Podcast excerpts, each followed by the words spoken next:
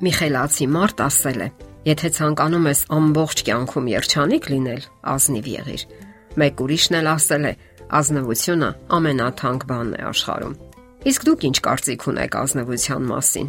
Այսօր ընդունված է այն հասարակական կյանքում։ Հարցրեք ցանկացածին եւ նա կասի, որ ինքն ազնիվ մարդ է եւ շարունակելով միտքը կասի, որ հասարակության մեջ այնքան էլ շատ չեն ազնիվ մարդիկ եւ կամ իր հանդեպ ազնիվ չեն։ Մի կողմ թողնելով հարցի բարոյական կողմն ասենք, որ այս հարցը մեծապես առնչվում է նաև առողջության հետ։ Գաղտնիք չէ, որ օրինակ ազնիվ մարդիկ ավելի խաղաղ են, քանի որ թաքցնելու ոչինչ չունեն։ Կարիք չունեն հիշելու, թե իրենց ասածներից որն է սուտ, որը ճիշտ։ Հաստատվել է, որ ներքին լարվածությունը վնասում է մարդու առողջությանը։ Եվ ահա, այնինչ շատերը ենթադրություն էին համարում, հաստատվել է գիտական փորձերով։ Ամերիկյան հոգեբանական ասոցիացիայի տարեկան կոնֆերանսի ժամանակ գիտնականները քննարկել են 110 մարդու հետ կատարված մի հետազոտություն։ Այդ խմբի մարդկանց մի մասին խնդրել են 10 շաբաթվա ընթացքում սուտ չխոսել։ Մյուս կեսը, որը ոչ մի հրահանգ չի ստացել կապված ազնվության, արդարամտության եւ չստելու հետ, ծառայել է որպես ստուգողական խումբ։ Ամեն շաբաթ բոլոր մասնակիցների մոտ ստուգել են առողջության եւ փոխհարաբերությունների վիճակը ստի դետեկտորի օգնությամբ որոշել են խոշոր եւ մանր ստերի քանակը, որ ասել են նրանք շաբաթվա ընթացքում։ Եվ այդ հետազոտության արդյունքների հաշվետվությամբ հանդես է եկել Նոտրդամի համալսարանի հոգեբանության պրոֆեսոր Անիտա Մերլին։ Իր նյութը նա այսպես է վերնագրել. կյանք առանց ստախոսության։ Ինչպես կարող է ազնվությունը ազդել առողջության վրա։ Եվ նա հետաքրքիր բացահայտումներ է ներկայացրել կապված փորձի արդյունքների հետ։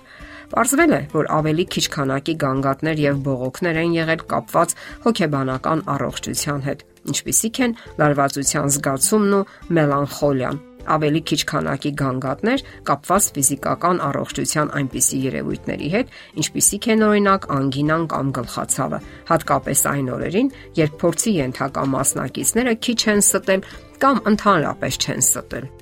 Անիտա Քելին գրում է. Մենք նկատեցինք, որ հետազոտության մասնակիցները կարողացան նպատակաուղված եւ կտրուկ կրճատել կեղծիքների, ստի քանակը ամենօրյա կյանքում, ինչն իր հերթին բավականաչափ ազդեցություն ունեցավ նրանց առողջության բարելավման առումով։ Մեկ այլ գիտնական Չիկագոյի Լոյոլայի համալսարանի պրոֆեսոր Լինդա Ստրոն ասել է, որ այդ հետազոտության արդյունքները համահունչ են իր սեփական վստահության հետազոտության կամ ուսումնասիրության հետևություններին։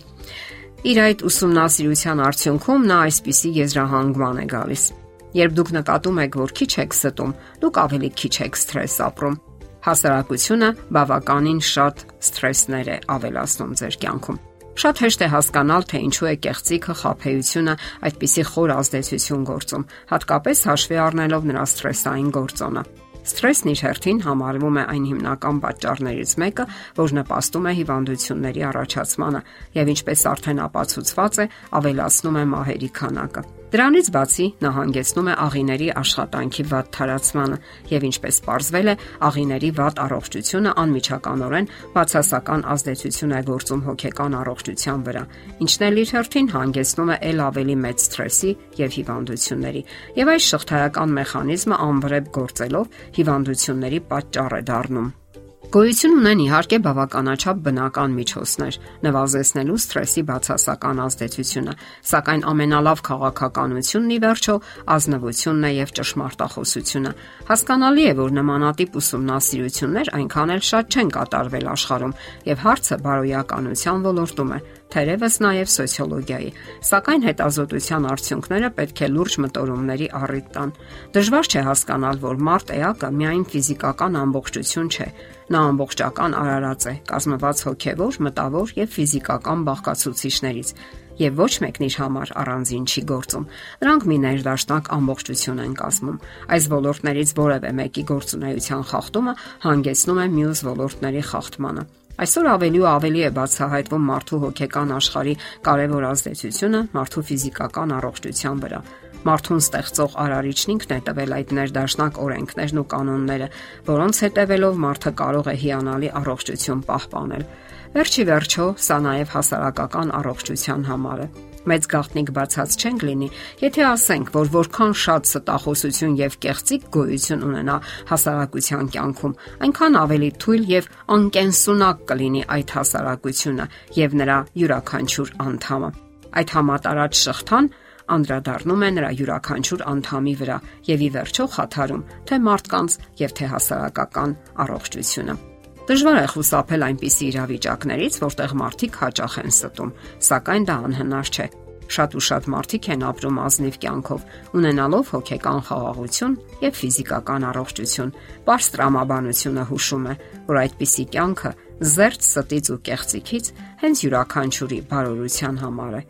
նաև ձեզ համար է եւ դուք կարող եք ապրել հանգիստ ու խաղաղ ունենալով բնականon առողջություն։ Եթերում առողջ ապրելակերպ հաղորդաշարն է։